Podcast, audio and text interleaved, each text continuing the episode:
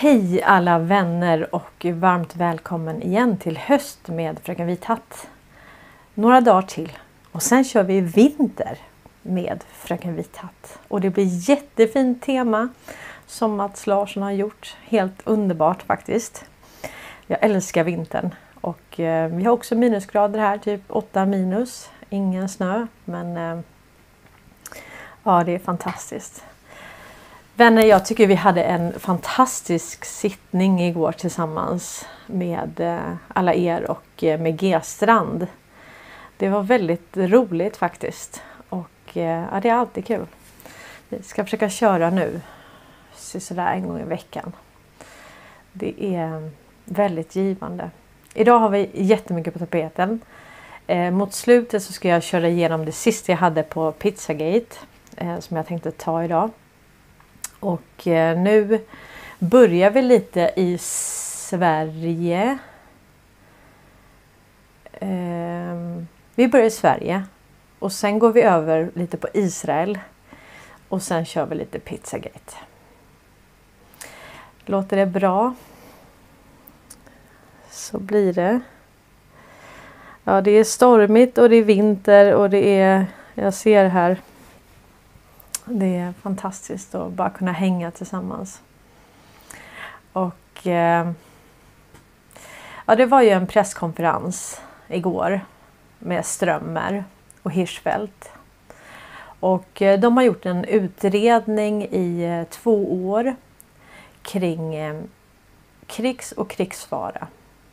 Och som jag förstår det så handlar inte utredningen direkt om eh,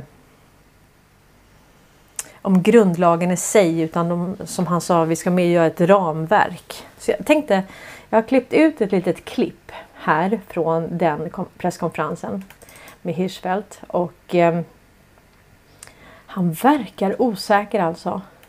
Och sen säger han i slutet, jag har liksom upprepat det två gånger. Han säger någonting som är lite märkligt. Jag vet inte vad det betyder. Ingen aning faktiskt. det kan väl ingen veta, det vet nog bara han.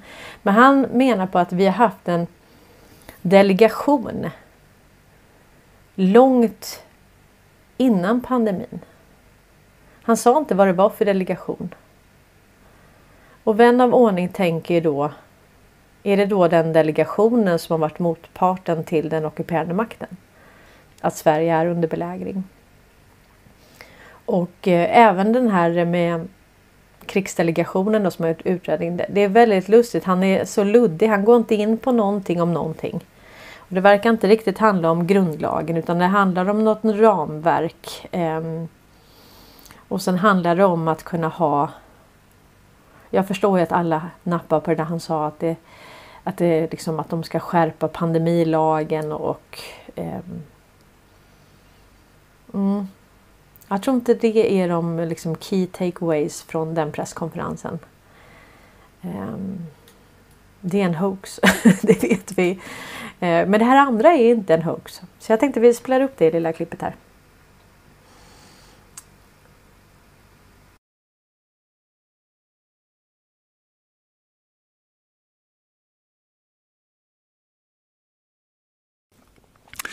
En annan fråga vi har sysslat med handlar om krigsdelegationen som är den miniriksdag eh, som finns reglerad i regeringsformen. Det är alltså inte den här 55-mannalösningen som man hade under coronan. Den byggde på frivilliga överenskommelser utan det är en grundlagsreglerad miniriksdag. Och vi har gått igenom de regler som finns på det här området sedan länge och föreslår några mindre justeringar Eh, jag går inte in på dem eh, här nu heller vid den här genomgången utan markerar bara att eh, krigsdelegationen den ska gå in när det behövs. Alltså när riksdagen, när läget under krig och krigsfara är sånt att riksdagen inte lämpligen är det organ som fungerar som det bör göra. Då kan den här miniriksdagen i form av krigsdelegationen inträda. Skulle läget blir än allvarligare då är det regeringen som tar över befogenheterna som riksdagen har. Och det är enligt ett, en bestämmelse som finns i gällande regler i, i eh, 15 kapitlet regeringsformen som vi inte går in och rör. Då tänkte jag gå över till eh, den fråga som eh, väl var grundanledningen till att den här utredningen tillsattes. Och det är frågan om behovet av eh, nya eh, regler, eh, möjligheter att ta fram nya regler inför och under allvarliga kriser. Eh, och där handlar det då alltså om områden som ligger utanför det som är reglerat. Krig och krigsfara är reglerat i grundlagen redan. Där vet vi att man kan ha en, eh, en ordning där eh, det finns ett antal lagar som går igång om, eh, om, om det fattas ett beslut om att så ska ske. Eh, vid höjd beredskap eh, så, så är det möjligt. Och det, det är en beredskapslagstiftning som är mycket omfattande som gäller väldigt många olika samhällsområden. Eh, men när det då gäller områden utanför krig och krigsfara, det som vi kan kalla för allvarliga fredstida kriser, så finns eh, inte en sån särreglering i regeringsformen utan det är istället vanliga regler som gäller med några specialregler eh, som jag inte behöver gå in närmare på. Men i princip är det det vanliga som gäller och det betyder att eh, det är riksdagen som håller i Eh, Eh, det så kallade obligatoriska lagområdet som omfattar då civilrätten, relationen mellan enskilda personer, mellan näringslivets olika aktörer eh, och där det är eh, avtalsfrågor eller köp eller transporter eller, eller anställningar och andra arbetsrättsliga frågor som dyker upp som behandlas. Och det är dessutom frågan om eh, begränsningar av vissa fri och rättigheter som måste ske enligt lag.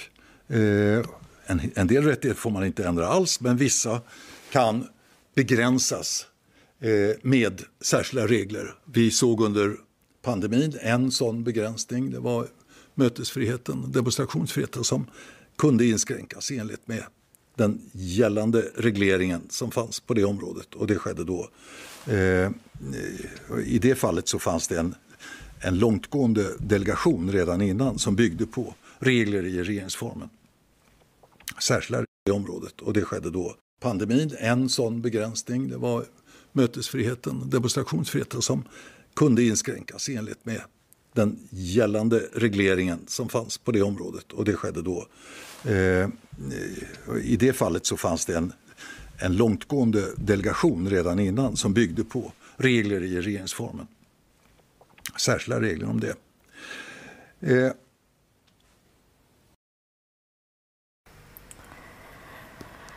Ja, vad säger man? Det fanns en delegation långt innan. Och det var någon som skrev här att det var med pandemi. Nej, han sa det att eh, under pandemin så var det 55 ledamöter och det var inte det. Man kan väl nästan säga att det är bra. Tack, tack att vi har fått undsättning. För om det här är ledarskapet. ja, då behöver vi all assistans vi kan, be, vi kan få faktiskt. Helt otroligt. Var det inte han som hade hand om Estonia också? En total sopprot. Sopprot, det var länge sedan jag sa det. Så brukade min farmor säga. Jaha du. Helt otroligt. Och det är liksom genomkorrupt. Uh, vi har inte tagit upp det här. Jag vet att alla andra har tagit upp det men uh, uh, det här med Fastato då tar in politiker för att mörka penningtvätt. Fastators... Jag ska bara kolla att jag har ljud på. Ser ni mig? Hör ni mig? Ja. ja. Fastatos grundare och VD Joakim Kylen, Kylenstierna avlyssnades av polisen. Va? Avlyssnades av polisen som en del av utredningen i det omfattande knarkmålet Operation Playa rapporterar Aftonbladet. Aftonbladet. I ett samtal från 2009 hörs han berätta för en affärsbekant om hur man kan skapa en företagsstruktur för att tvätta pengar. Kuylenstierna beskriver också hur man undviker att väcka misstankar. Jag stoppar in politiker och folk från Finansinspektionen i styrelsen för det här börsbolaget. Mm. Det är aldrig någon som kommer att titta på det här bolaget säger han. 2011 grundade Kuylenstierna investmentbolaget Fastator som idag har den tidigare S-toppen Björn Rosengren som styrelseordförande och förre statsministern Carl Bildt som styrelseledamot. I en kommentar beskriver Kuylenstierna uppgifterna som bullshit. Men du var ju telefonavlyssnad. det, och det här var alltså 2011, det var ett tag sedan. Nej, i ett samtal från 2009. I ett samtal från Hur länge har det här pågått egentligen? Operation Playa. Har det någonting att göra med eh, eh, jag kallar dem för Marbella-maffian. Det är en grupp som eh, har fått eh, flytta dit. Några har flyttat dit och några har flyttat till Schweiz. För att de, de, de är efterlysta här för penningtvätt. Eh, och eh, Operation Playa, det, det, är väl mycket möjligt att de ligger på playan då i, i Marbella. Men de investerar i alla fall i småbolag och eh, helt totalt sabbar kurserna i bolag. Alltså ni får tänka på när man tar in den här typen. En annan som går in i bolag det är ju faktiskt Anders Borg också. Eh, så det är lite olika politiker sådär som man eh, tar in. Margot, eh, nej vad heter hon då? Hon som gick med i Clinton Foundation, Maud. Maud Olofsson. Hon gick ju in då i, eh, i eh, Clinton Foundation. Och det var väl också som tack då för att ni minns ju att eh, Clinton tog bort Ericsson från den här eh, sanktionslistan och menar på att they can police themselves. Det är lugnt. Eh, det, är, det där sköter de jättebra. Och det gjorde de också. Det blev bara inte så lagligt. Mm. Eh, och nu säger Bildt att han lägger locket på. Han, sitt, han utreder nu underrättelsetjänst. Svensk underrättelsetjänst. Samtidigt som han sitter i styrelsen för Fastator. Om det är lämpligt vill han inte svara på. Men från regeringen kommer inga invändningar. Nej, det kan jag tänka mig. Säkerhetsprövningen har gjorts i enlighet med säker säkerhetsskyddslagstiftningen. Ja, men alltså han sitter ju då i... Eh, han har ju fått ett uppdrag nu. Och han ska ju egentligen... Eh, han ska titta på vilken information som eh, underrättelsetjänster, myndigheter ska få nu när eh, Oskar Stenström sitter på FAM eller på Wallenbergs bolag då. Som sagt, vi tror att det ska splittras upp i 184 bitar. Och det, det var ett troll som han har väldigt svårt att förstå var 184 kom ifrån. Han trodde jag gjorde så liksom. Men det är ju faktiskt så här. Ni kan hälsa honom det. Han kanske har tänkt på det här länge nu men Ericsson är ju verksamma i 184 länder och det är ju inte mer än rätt att varje land ska få kontrollera sin egen telekominfrastruktur. Du kan inte ha ett privat korrupt intresse som Wallenberg är med, med alla deras, eh, hela deras bolagssfär. Du, du kan inte ha den typen av kontroll i händerna på utländska privata vinstmaximerande korrupta brottssyndikatsföretag från Sverige med en annan lagstiftning, FRA-lagen och allt, alla avarter som vi har i det här landet. det handlar som sagt om det svenska rättssystemet. Och eh, det var ju Robert O'Brien som var här. Som vi tog upp för, eh, jag vet inte, någon vecka sedan. Men eh, det här är ju i alla fall, och det här är ju den blodige svensken och han... Eh, ja. Han tvingas eh, göra vad han ska nu helt enkelt. Och sen har vi då eh, Svenska Dagbladet. De utbildar nu det svenska folket i vad den djupa staten är. Det är rätt roligt det här för att eh, Karl Norberg delade det här då. Och eh, sen så ändrade Svenska Dagbladet. Eh, de ändrade den här eh, SC delegerar sin politik till den djupa staten. De ändrade rubriken Men det där har jag märkt själv att problemet är att om du ändrar rubriken så ändrar inte det om du Dela länken. Så går ni in på Svenska Dagbladet nu och delar den länken så, så ligger den här rubriken kvar. Det går inte att ändra den. Det ligger liksom, lackkort ligger. Och ehm, ja, nu ska det folkbildas här och det är lite intressant för då står det i den här artikeln i slutet. Då står det så här. I USA är den djupa staten ett uttryck som syftar på myndigheter och storföretag som påstås styra bakom kulisserna. Här i Sverige har SD använt samma begrepp för att beskriva en ideologi i den icke folkvalda delen av statsapparaten. Till denna statsapparat vill man nu vill nu SD överlåta till att utforma detaljerna i migrationspolitiken. Äh, det här är ju väldigt intressant att du kan läsa i Svenska Dagbladet nu vad den djupa staten är. Eh, ehm,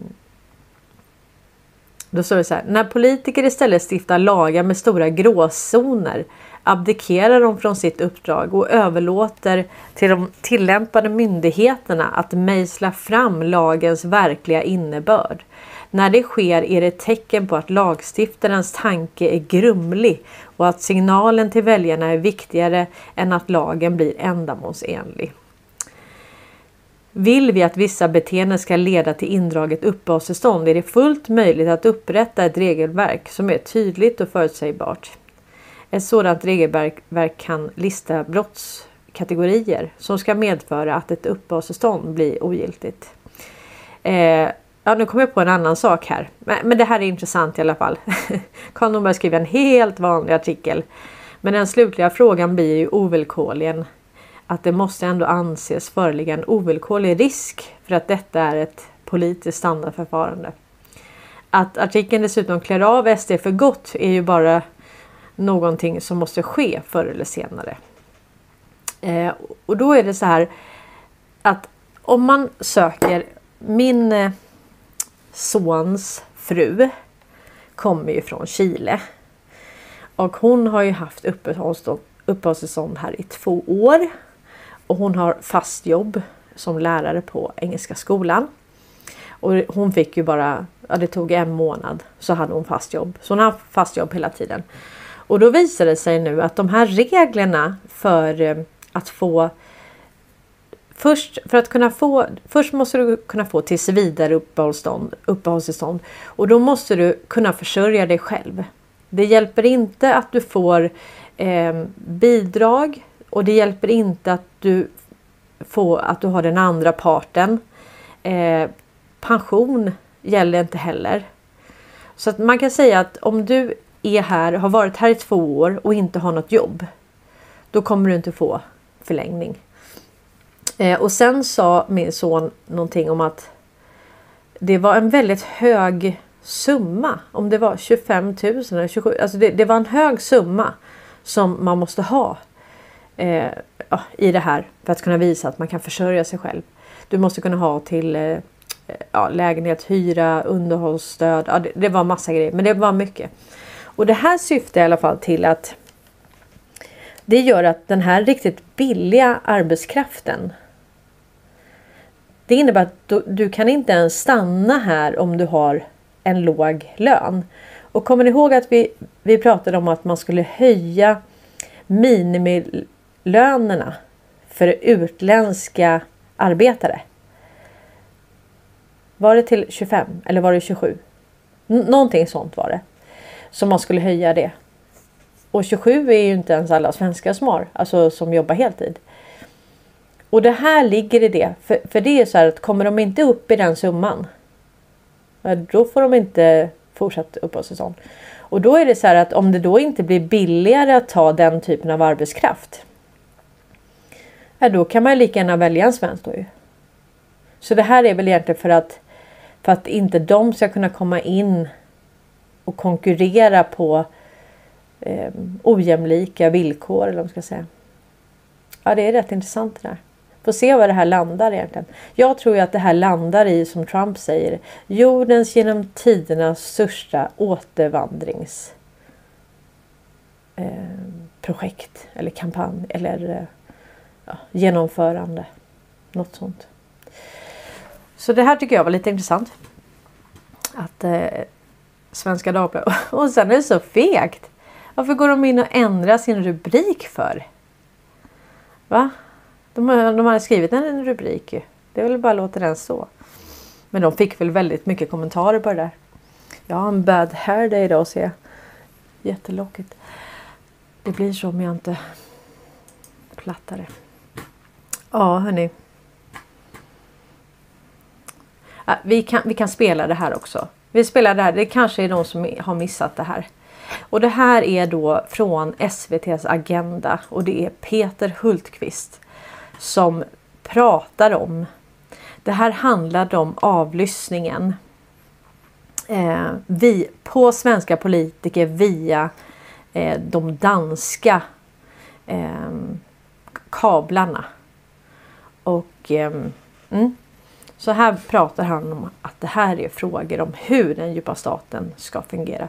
Och jag kan säga att det är väldigt många troll som förklarar bort det här på många olika sätt. Men som sagt, nu står det i öppen dager i Svenska Dagbladet vad den djupa staten är. Att det är en skuggregering, det är icke folkvalda element som styr i bakgrunden. Mm. Inriktningar också till våra myndigheter om hur de ska arbeta och vilka olika typer av värderingar de ska göra. Och det där är ju beslut som fattas i sekretess. Mm. Så vi ska lita på dig då på samma sätt som danskarna skulle lita på sin regering? Om vi säger så här, vi jobbar hela tiden med de här frågorna på ett oerhört seriöst och genomarbetat sätt jag går ju själv igenom hur de här inriktningarna ser ut innan de går till myndigheterna. Och det är noggranna, omfattande genomgångar. Så att det här är ingenting som hanteras med, med vänster hand eller är någonting som man inte tar på allvar. Det här är frågor om verkligen hur den djupa staten ska fungera. Så att eh, det här är djupt seriösa frågor. Och då är det så här också, att sker det misstag och kommer det fram saker som inte är bra, då ska man åtgärda det. Tack så mycket Peter Hultqvist för att du kom hit. Tack så mycket.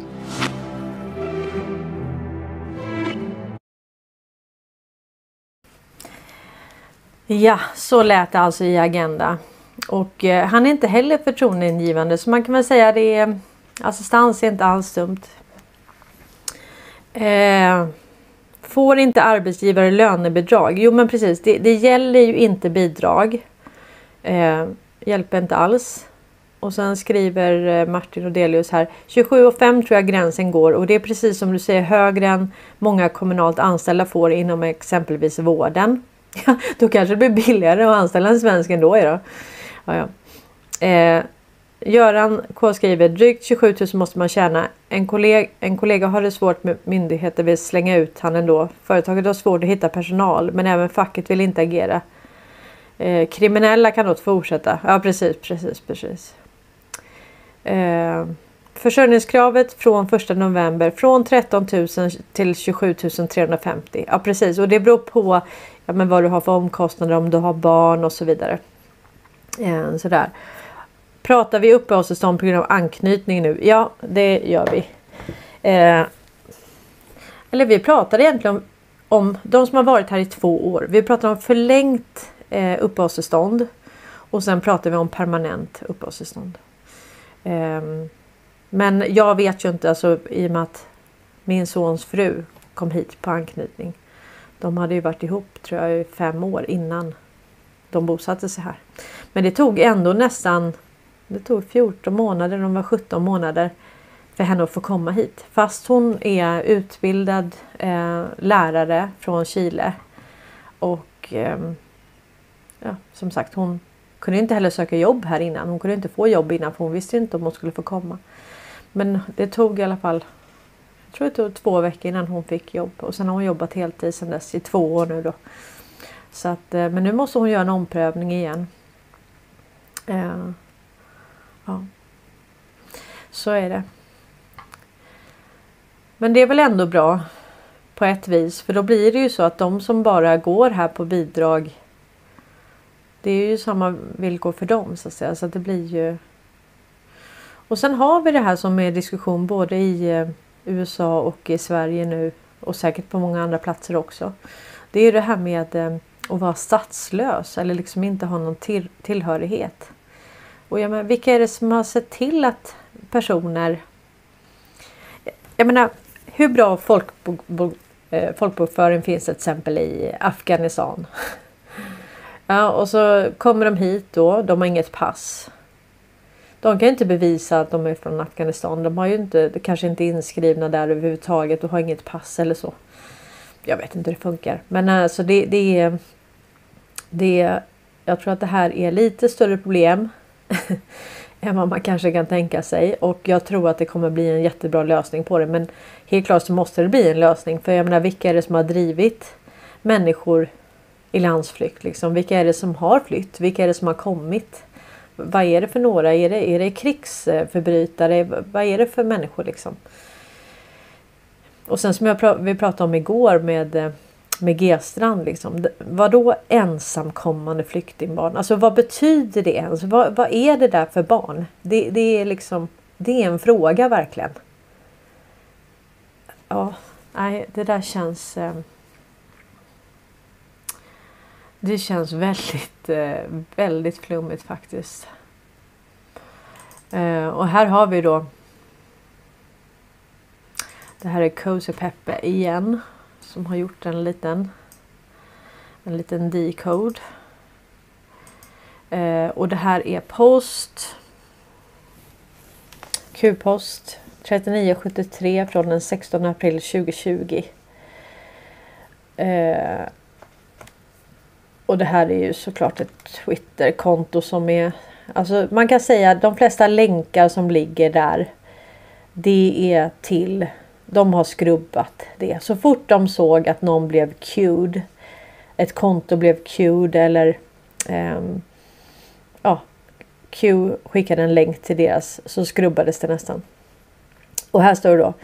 Who trained supplied Isis? What if HRC won?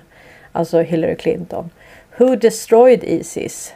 Knowledge is power Q. Vem tränade och försåg Isis? Ja, och då ser vi här att eh, ja, det framkom ju sen då att eh, Ericsson hade då mutat och finansierat Isis. Och eh, men det här är ju startat av samma intressen i 17 år. Så att det här är ju liksom. Och här frågar Q, vem var det som tränade och eh, försåg Isis med pengar? Ja, det var Ericsson bland annat. Och Ericsson är svenskt. Så, så farliga är Q-posterna. Det, det är frågor som leder till att man gräver på ställen som man ska gräva. Det är väldigt många poster om korruption, om eh, nazism, om eh, de här ja, Isis, Al-Qaida, alla de här.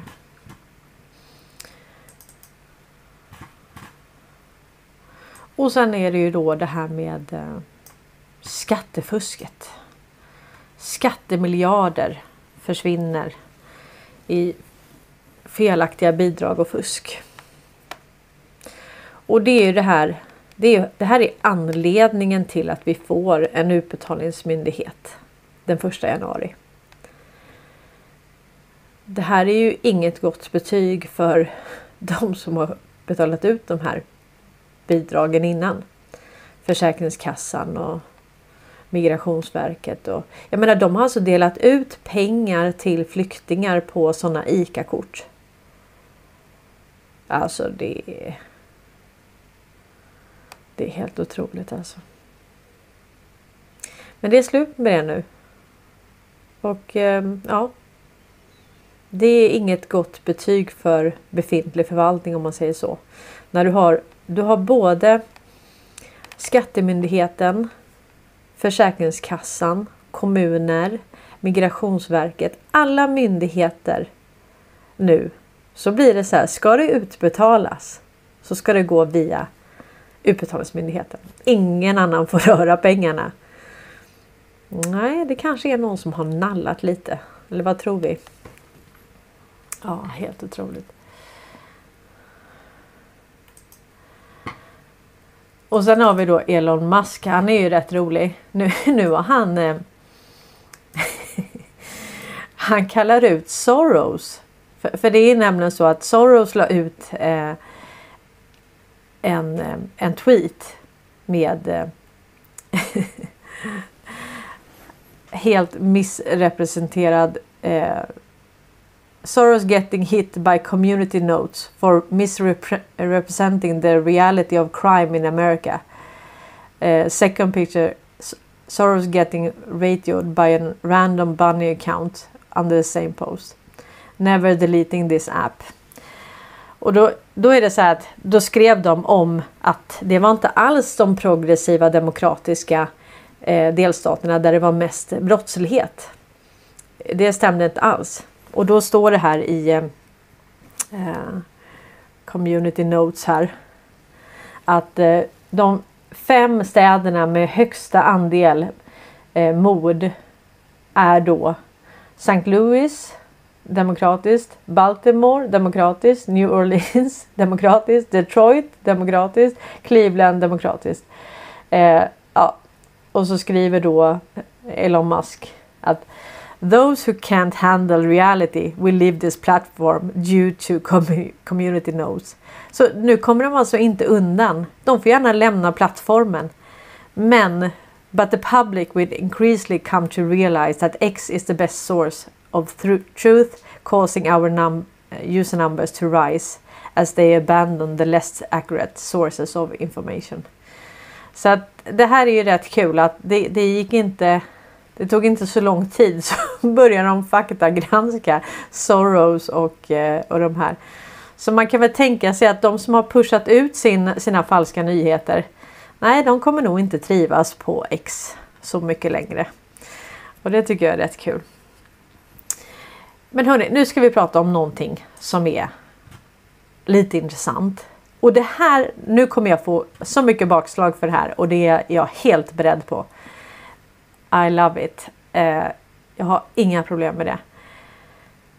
Men vi har ju då General Flynn, vi har Elon Musk och vi har Donald Trump. Som säger så här. I stand with Israel. Jag står med Israel. Och då är det ju många som har frågat sig. Vad är Israel egentligen? Alltså den här regionen som är en en förträngning. Vad är det för region egentligen? Alltså hur länge har den funnits? Om du kollar på Palestina, ja då kan man kolla sedan 67. Israel då 48 och så här va. Och jag håller med om det är en jättegammal region och man säger att den är biblisk och allting. Men, men det finns ändå det finns någonting som skaver. Och, och det som skaver är att det är vinnarna som har skrivit om historien. Så vi kan ju inte med säkerhet veta exakt vad det skedde i Bibeln. Alltså vad det heliga landet är eller vad som menas med det här. Men det känns som att Trump kan sitta på den informationen.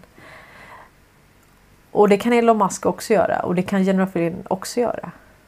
Så tänk om Israel egentligen var någon helt annanstans. Det är en tanke. Jag ska spela upp en video snart. Och sen har vi då Trump som går ut och säger att Viktor Or eh, Orban, han är alltså president i Turkiet. Och jag tänker så här, Ottomanska riket. Vad, vad, gick Turkiet så att säga? Liksom, är det så att Ungern egentligen ska tillhöra Turkiet? Alltså var går gränserna? Hur, hur var... Jag, jag slänger ut en fråga, jag vet inte. Hur var det Ottomanska riket? Och när vi då ska skriva, skriva om alla gränser och så, vad, vad, mm, vart går gränserna egentligen? Och när? Och liksom vilka kartor är det som gäller? Ja, det är frågan ju. Så det här är lite intressant. Det känns som att någonting spelas upp nu. Med det här. Och det ska spelas upp nu. Så att det är lite... Det är lite intressant faktiskt. Och då är det faktiskt Patriot Princess. Hon gör ju väldigt mycket gematria och decodes och så. Eh, och eh, ja, hon, hon har varit rätt på bollen rätt många gånger faktiskt. Och hon har verkligen förstått att det handlar om att eh, det här folkbildningsprojektet måste liksom ta sig framåt. Det handlar om frekvenser, det handlar om motivation. Det handlar om att vi får inte stanna upp nu utan nu, nu måste vi elda på. Vi måste gräva där vi ska gräva. Vi måste eh, ta beten de kastar ut när de vill att vi ska förstärka olika nyheter som kommer ut eller att de vill att vi ska se kopplingar bakåt. Vi får liksom brödsmulor och brödlimper och hela brödbagerier i huvudet och då måste vi se vad är det här egentligen? Vad är det de vill ha sagt? Och vi får inte, for, alltså vi får inte sluta gräva nu. Jag sa det igår att G-strand han är ju borta nu. Nu jobbar han heltid och hinner inte alls lika mycket. Och det, det är ingen som tar hans plats liksom. Jag sänder live sex gånger i veckan och eh, alltså skulle jag och Karl sluta och så det, det skulle liksom sakta men säkert eh, ebba ut och det får inte ebba ut. Alltså vi är så nära. Nu bara kommer det som en hel våg, en hel storm från utlandet. Och människor kommer bli mer och mer nyfikna. Jag menar bara nu när SVT skriver liksom, Svenska Dagbladet skriver att om den djupa staten och liksom folkbildar det svenska folket i vad är den djupa staten? Och de skrev det inte som en konspirationsteori, ingenting liksom. Nej, det är väldigt intressant faktiskt. Eh, men var nu öppna så ska vi lyssna på Patriot Princess.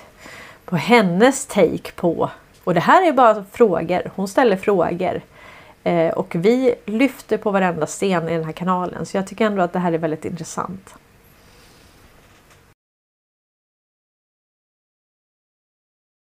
Patriot Princess. I know this sounds wackadoo, but hear me out. What if we are Israel? The US? Americans? What if we are Israelites? What if we are Israel? What if that's what Trump means when he says he's standing with Israel? Hear me out.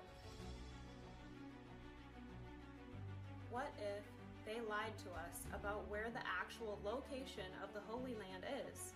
What if it's here in the US? It makes sense. Satan would lie to us about where the actual Holy Land location is. I find it very interesting that Ohio has a lot of its villages and towns named after biblical locations.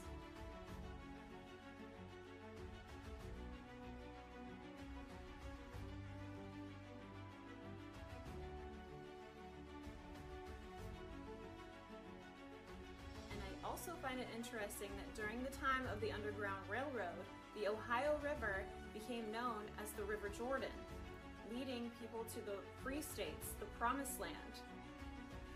And in the Bible, it talks about the road to Damascus.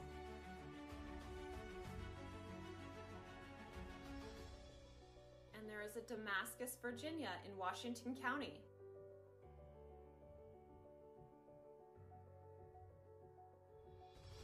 Story of the road to Damascus Saul. Saul was an evil man in power, and he was persecuting and killing Christians.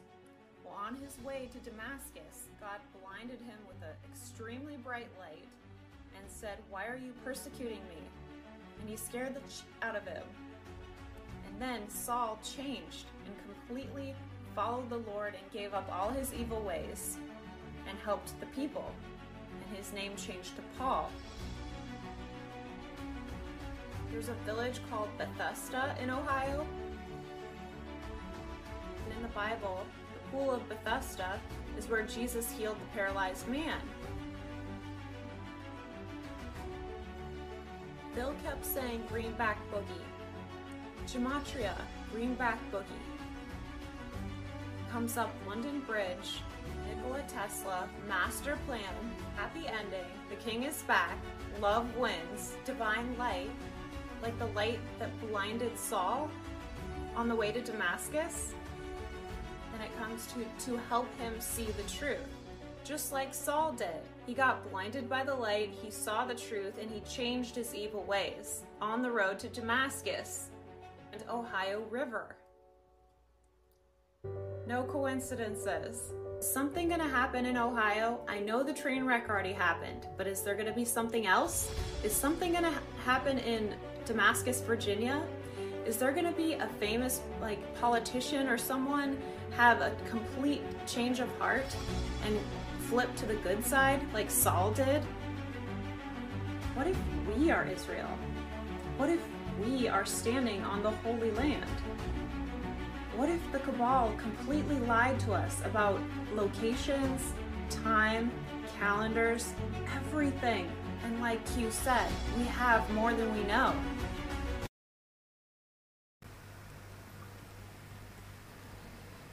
Mm-hmm.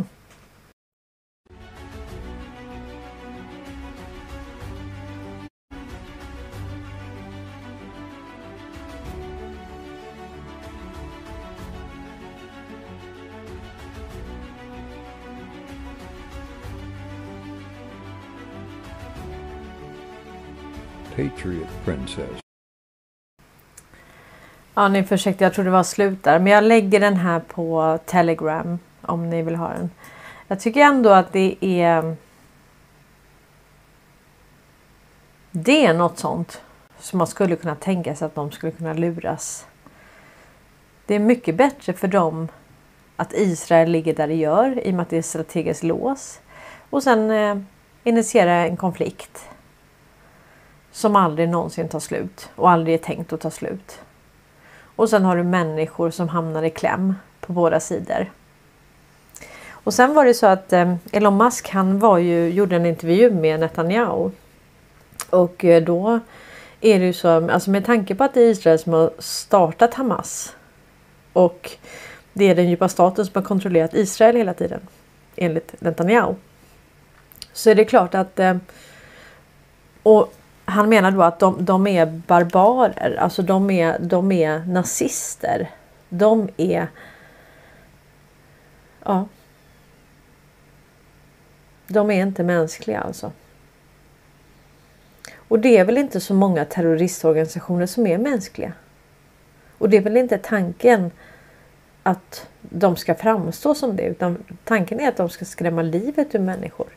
Det gäller Isis, det gäller Al-Qaida, och det gäller Hamas. Ja, det gäller fler. Det är ju samma sak att kolla på Ukraina. Det är ju barbarer, fruktansvärda som har utsatt sin egen befolkning för, för um, folkbrott sedan 2014. Då vi hade våra tre svenska sändebud. Bildt, Persson och Eliasson som kom dit och skulle hjälpa till med ekonomi och demokratiutveckling. Så att det är ju så det blev så bra efter det kan man säga. Inte alls. Men ehm, och gällande den här utbetalningsmyndigheten så är det ju så att ja, vi tror ju att vi kommer få tillbaka någonting från det här. Vi har ju blivit bestulna på våra pengar genom olagliga skatter, olagliga räntor. De har lurat oss in i ett system som vi det brott vi har gjort det är ju faktiskt att vi har litat på. Och mycket av det här har vi inte kunnat veta för att de har gjort det verkligen i det dolda. Så att um, om brottet är att man uh, har lite hopp och litar på mänskligheten och man blir så här blåst för det. Ja, det är...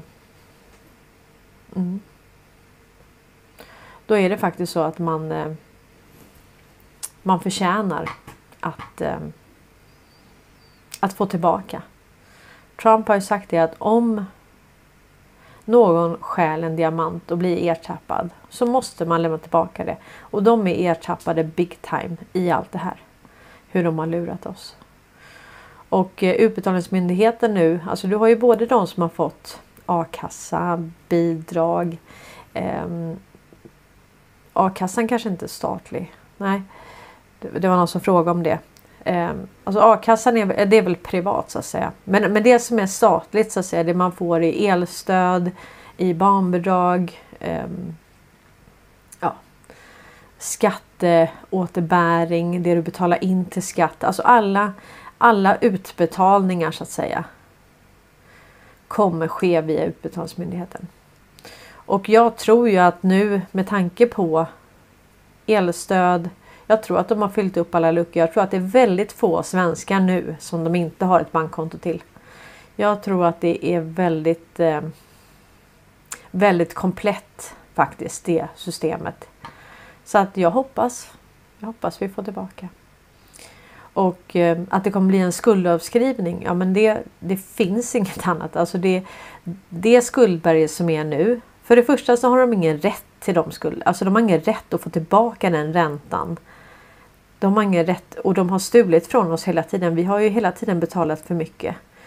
Och sen har vi då eh, utspädningen av pengar, det vill säga inflationen, inflödet av pengar gör då att pengarna har minskat i värde. Så de har ju liksom, de har ju snott. De har snott våra pengar hela tiden ju.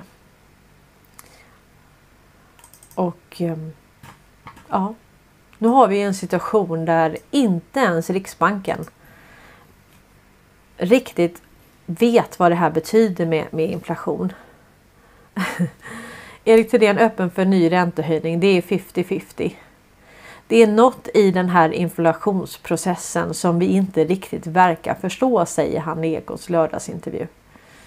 Ja, så om inte, om inte Erik Thedéen på Riksbanken förstår inflation så kan vi säga att det är inte prissänkning. Annars skulle vi ju ha om vi säger Black Friday. Då är det prissänkning. Är det deflation då eller? Då är det. Nej. Om prishöjning är inflation. Vad blir då pris, prissänkning? Så rea det är deflation då, då. Nej. Nej, det är så dumt. Det är så dumt nu så det finns inte. Och tanken är ju, de fäller sig själva. De fäller förtroendet för det här systemet själva. Det är precis vad de gör det. Och eh, vi hjälper till. Vi står till tjänst. Vi hjälper till att sprida det här. Eh, Gunnel har inte fått något elstöd. Står du på ett elabonnemang så ska du ha fått det. Annars får du ringa till Försäkringskassan. Vilken dåre röstar nu för tiden? Ja, det vet jag inte. Um, vi har satt vår tilltro till dem och deras system. Ja. Marit säger det resonerar med mig och en som jag lyssnar på, på mycket och gärna sa att israeliska ortodoxa judar reser hem till USA och de övriga till sina länder. Ja, men det här är lite intressant för att det var ju, de pratar nu om de som kommer över gränsen. Att tänk om det är judar som åker hem till USA. Tänk vad lite man vet. Det är rätt skönt.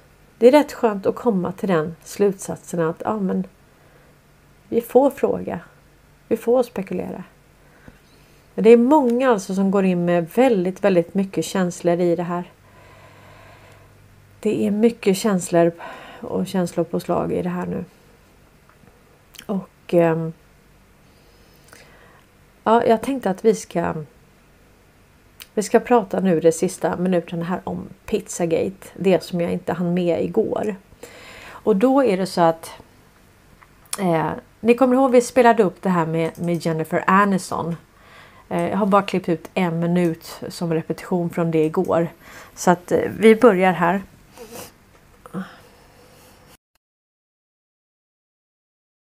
Thank you very much for this prestigious war award. Uh, the, to show my appreciation, I am inviting you all to a pizza party tonight at Jennifer Aniston's house. I'll see you there. Adam Sandler is probably her biggest advocate for this pizza party. He he just he always talks about her pizza parties and how amazing her pizza is too. So these circles of friends that uh, that you guys have, um, you told a story about going and having pizza at the Clooney's in Lake That's Como. yeah, that's all in Anniston.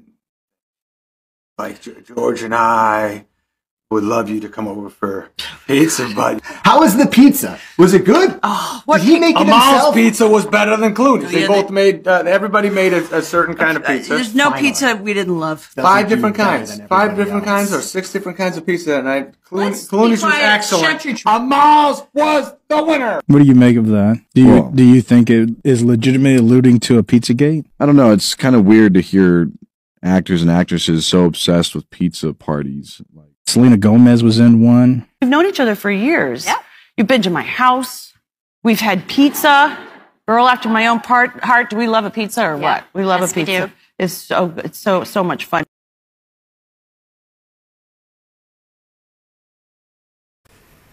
Ja, det var ju en liten repetition från igår och det, de, de beter sig väldigt märkligt, tycker ni inte det? Alltså de pratar om pizza på så konstigt sätt. Och sen kom det här 2022. Ni vet ju att väldigt många både 2021 och 2022 de, de bara försvann. De, eh, jag tror inte att han eh, vad heter han som eh,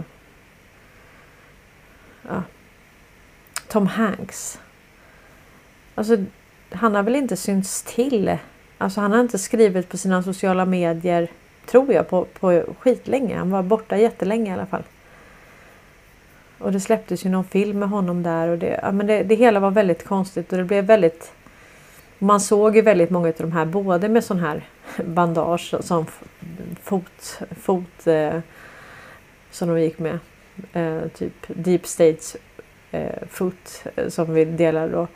Och sen var det ju flera som man såg hade eh, en sån spårsändare. Det var ju bland annat hon Ellen DeGeneres också. Men här säger hon då, det här var den sista videon med henne eh, som kom. Och det, man får väl tolka det här som man vill. Här står det att det är hennes eh, hej då, goodbye video. Mm.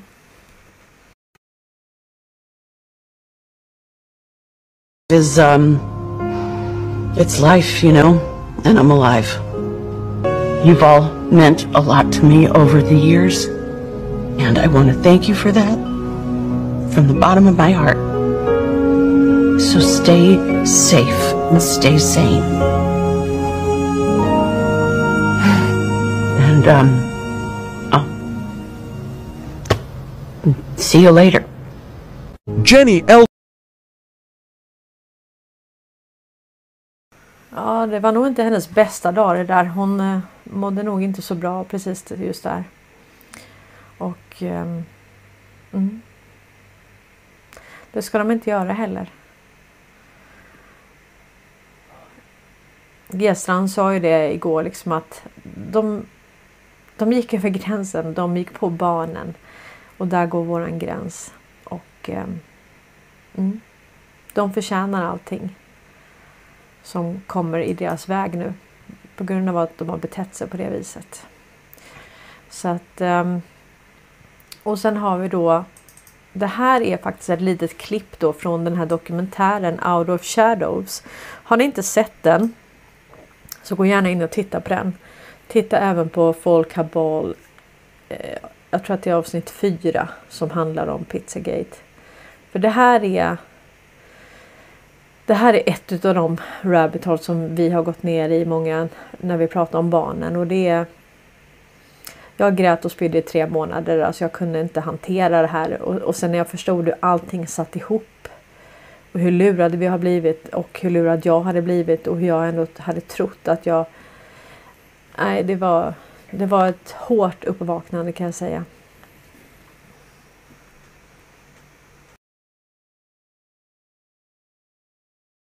For the New York Observer and broke a lot of election related stories. I worked in media for over two decades and I never had any issues. I was very well respected. I basically was embraced by the mainstream media until I started reporting on Pizzagate.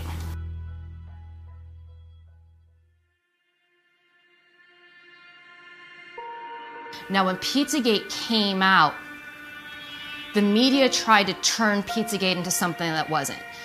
Surprises of the presidential campaign was the explosion of fake news on the internet. 28 year old Edgar Welch was arrested in Washington Sunday afternoon outside Comet Ping Pong, a popular family pizza parlor. DC police say Welch fired at least one round into the restaurant floor with an AR 15 rifle like this one on his Facebook page. No one was injured. Someone on Twitter whose name remains unverified but has several thousand followers posted that new emails found on Anthony Weiner's computer confirmed that Hillary Clinton was involved in a pedophilia ring. The rumor spread, inspiring some newfound internet sleuths to start digging around in John Podesta's hacked emails, searching for proof and location of the so called sex ring. In those emails, they are absolutely littered with code words. And many of these code words are food words such as pizza. Somebody said to me, Hey, Dave, search for pizza in Podesta's emails. And once you go down that rabbit hole, you never really emerge the same person. It was obvious from the get go that these words were code words for something else because the context that they were used in did not make sense. To be clear, not one single email in the Podesta emails discusses child sex trafficking or pedophilia. That is a fact. But there are dozens of what seem to be strangely worded emails dealing with pizza and handkerchiefs. And investigators say that those words in the emails about pizza and the talk of handkerchiefs is code language used by pedophiles. There is some kind of code language. They're just not talking about pizza, folks. Uh, who phrases that? Who blocks out an hour of time to eat a slice of pizza? You can get a service for a half an hour, you can get a massage for a half an hour, but you can't get food for a half an hour. It just absolutely makes no sense. There's other ones like the realtor found a handkerchief. I think it has a map that seems pizza related. And uh, another one is Obama spent $65,000 flying in pizza and hot dogs from Chicago. Are we using the same channels? Pizza is a well known pedophile code word that actually has been used by law enforcement to arrest online sexual predators of children. And there's been multiple arrests that have been made by law enforcement of pedophiles trying to solicit children by using the pedophile code word pizza. 2007 unclassified FBI document. That document, according to the FBI, contains commonly used symbols by pedophiles to express their preference in children. Notice this one on the end, the triangle. That image signifies something called boy love. The pizza place next door to Comet Ping Pong Pizza, Besta Pizza, well, this was their logo until only a few weeks ago. People don't know that because the mainstream media refuses to cover it. The entire mainstream media redefined what Pizzagate was to make it sound ridiculous and less believable. And then they had people like Megyn Kelly come in, interview James Alefantis, didn't ask him any challenging questions. A conspiracy theory that even the DC police say has no basis in fact. She didn't ask him any questions about the pictures of children on his Instagram page looking abused, being sexualized. She didn't ask him about the pedophile talk. So the whole mainstream media painted him as this poor victim, as this person that was innocent, that was just victimized, as something that wasn't true. But just his Instagram page alone should have been enough for authorities to look into him. Investigators have already proven there's nothing to the story, right? Well, actually, no. And that's what you need to know. For all that is here, there has not been one single public investigation of any of this. Not from local police, not from the FBI, no one. And that has to be the big question. Not for Podesta or for pizza parlor owners, but for law enforcement. Based on what may be or may not be here, the big question is why hasn't any investigation taken place? This is insane. So many people in the mainstream media have said Pizzagate is a conspiracy theory. Pizzagate has been debunked. It has not been debunked. If it's been debunked, explain the code words. No one to this day, including John Podesta himself, can explain the code words in his emails. Hey, John Podesta, can you please explain why you have children rented for entertainment for your adult hot tub parties. No one has ever explained why John Podesta has literal pedophile and cannibalism paintings all over his office and his home. Tony Podesta, too. And then you look into the spirit cooking dinners, and you look into Marina Abramovic, who's the one that was conducting the spirit cooking dinners. Why are they going to spirit cooking dinners? Why are they sacrificing chickens to Moloch in their backyard? This isn't my words, this is their words. This is in their emails. I'd be willing to debate anyone who thinks that Pizzagate has been debunked. You asked me when. Uh, when did uh, how am I getting additional briefings? That that was the first and last time I So talked. to you. October 9th is the last time you have heard from the FBI at all. Yes, You have not got an update on the My- investigation to your personal email. that that is correct. So not only did the mainstream media lie to you about Pizzagate, and they actually told you that it was illegal to read John Podesta's emails on WikiLeaks. Chris Cuomo, with a straight face on CNN, looked into the cameras and said it's illegal for you to read John Podesta's emails. Also interesting is remember, it's illegal to possess uh, these stolen documents. It's different for the media. So everything you learn about this, you're learning from us. That's how scared from they are of those emails. And that's how explosive the content in those emails are. That they felt the need that they had to tell you you could not read those emails, and if you do, you might get arrested. Lie. It's different for the media. So everything you learn about this, you're learning from us.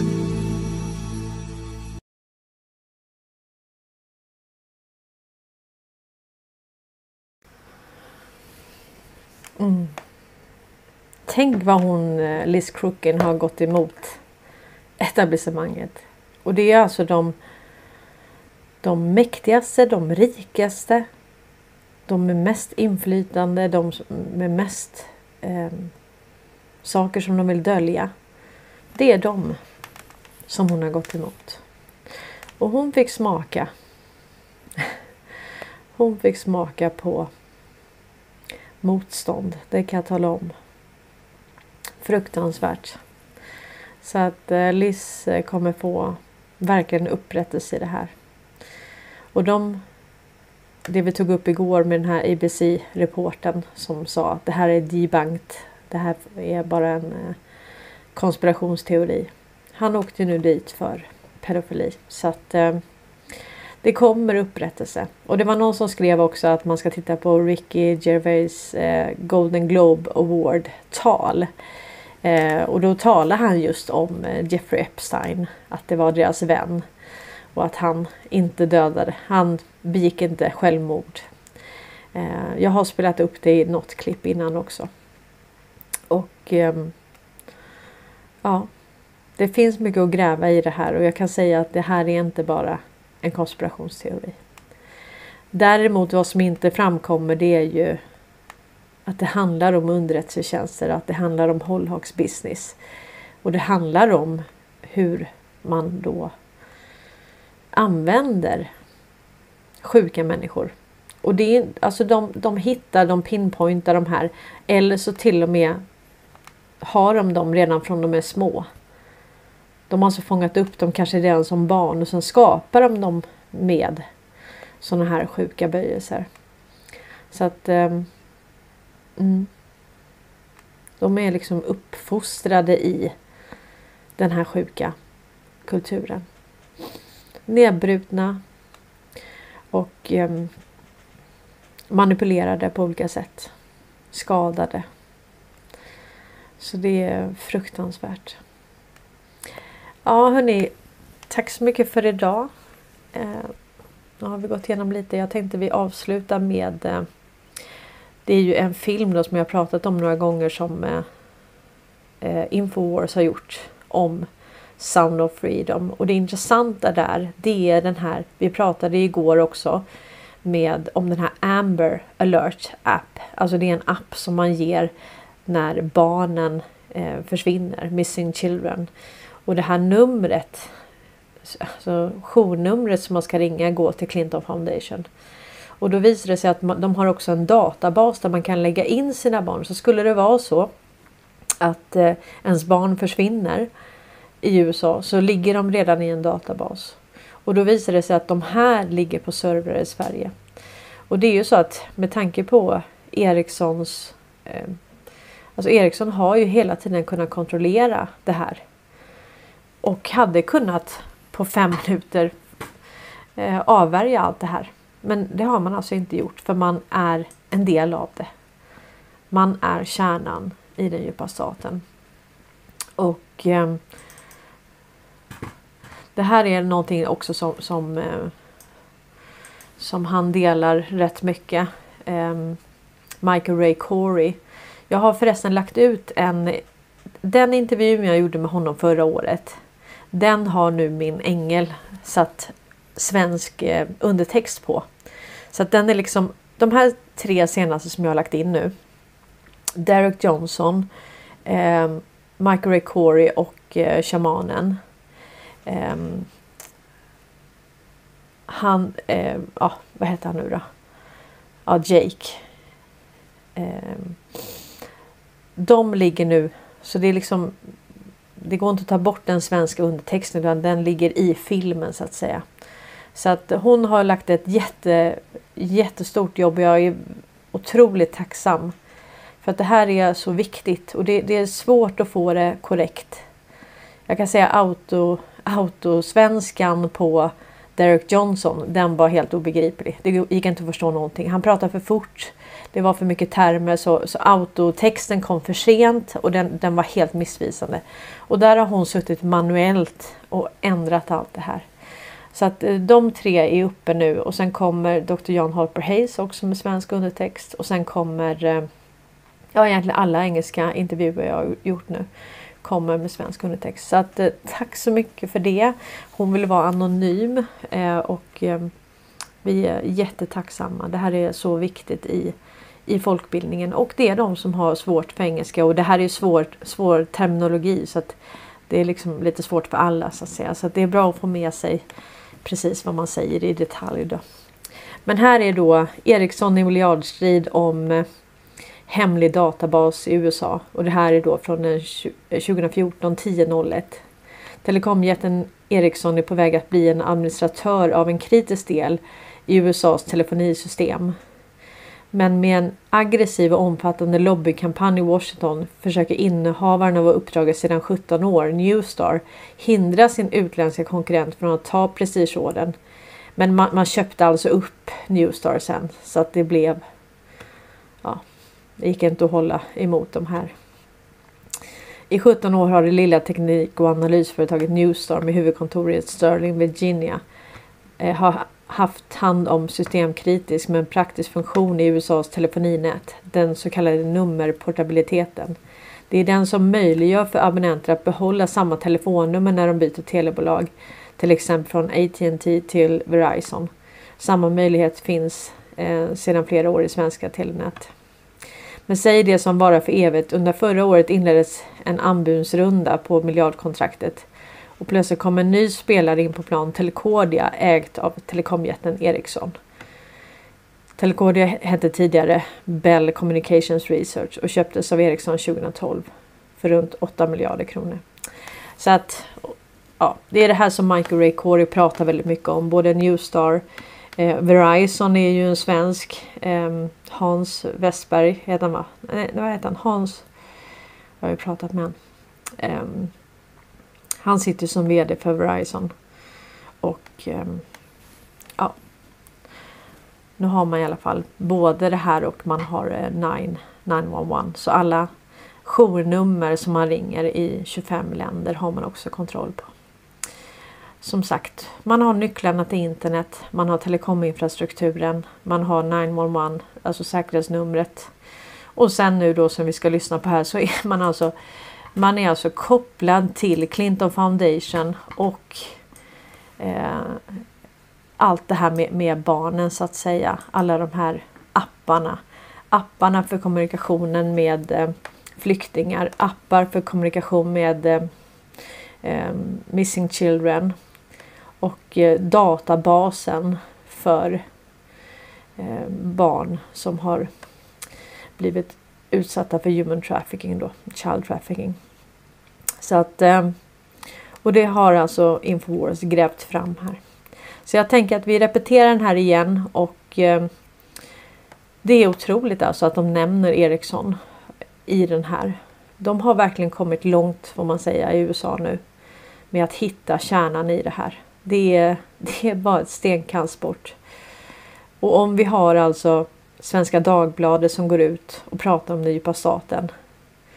Då är det inte långt till att säga att Sverige är kärnan i den djupa staten. Så vi kommer dit vänner. Vi kommer dit. Och det kommer bli Det kommer bli tufft helt enkelt. Ha det jättegott nu allihopa. Tack för att ni gillar och delar och skriver i kommentarerna. Eh, det visar sig att eh, det var faktiskt så att mellan 1526 till 1686 så var Ungern en del av Turkiet. Ehm, efter det kom Habsburgerna. Så att det är otroligt många som delar research här. Det är konstigt att det inte går att spara kommentarerna. Så jag, jag har ju gjort inställningen att alla live eh, chatt ska sparas men det verkar inte som att det går så bra.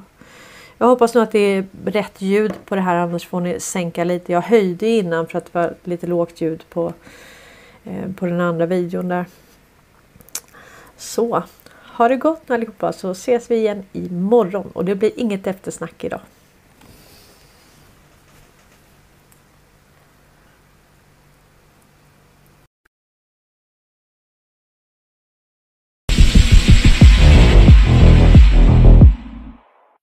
Many good hearted people have strong emotions about the environment, and their emotions are so strong that they have been manipulated by a corrupt government to castrate themselves and castrate their own children to save the earth from climate change. This should teach us something about our emotions. They can blind us from logic and reason, and we all have them. This report is not a critique of the film The Sound of Freedom. I saw this film and I appreciate that it is bringing awareness to a subject that I personally have very strong emotions about. This report is about a clear red flag that people should be aware of so that we don't allow our emotions to blind us from logic and reason. According to MK Ultra whistleblowers, the CIA acquired children for Project Monarch by cataloging child pornography sent through the US mail. And the only thing that's changed since then is that the world has gone digital.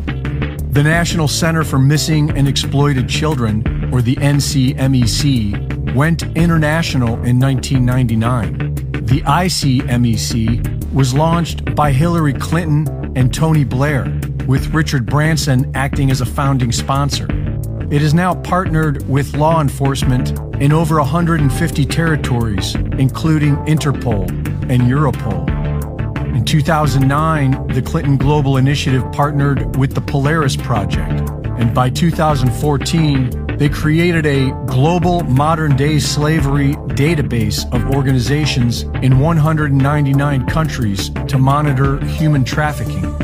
Also in 2009, Amber Ready Incorporated selected the Podesta Group, the infamous pedophile art collectors of the WikiLeaks Podesta email scandal, to be their PR company, where they were responsible for promoting Amber Ready's cell phone technology, which created a database of children so that if they ever were abducted, their information was already on file. Once this child database syndicate was launched, human trafficking increased. Within nine years, the human trafficking industry went from around $30 billion a year to $150 billion a year. Nearly all child pornography is processed and stored within this framework on foreign servers in Sweden. In 2014, President Obama assigned the task of how to manage this gathered intelligence data to John Podesta. The Clintons, the Podestas, and their friends are demonstrably involved on the criminal side of child sex trafficking. If this is news to you, I recommend my report from 2019, Are the Clintons Involved in Human Trafficking? which is based on the well researched article by Corey Diggs.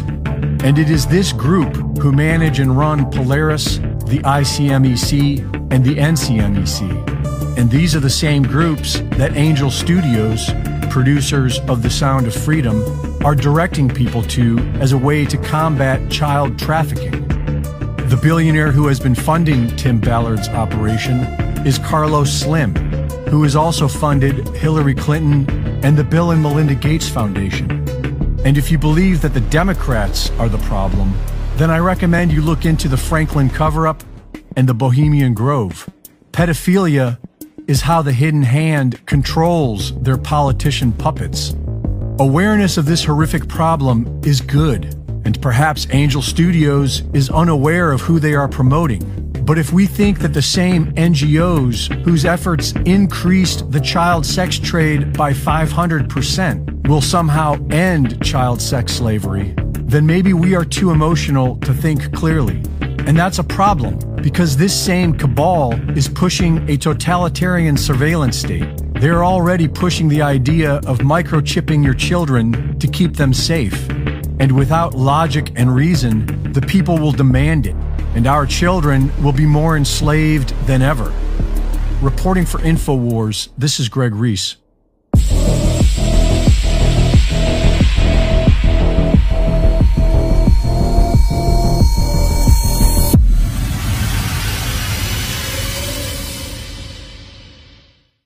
Thank you for watching the latest Greg Reese Report. Be sure to go to reesereport.com to see my latest videos, sign up for my free newsletter, and subscribe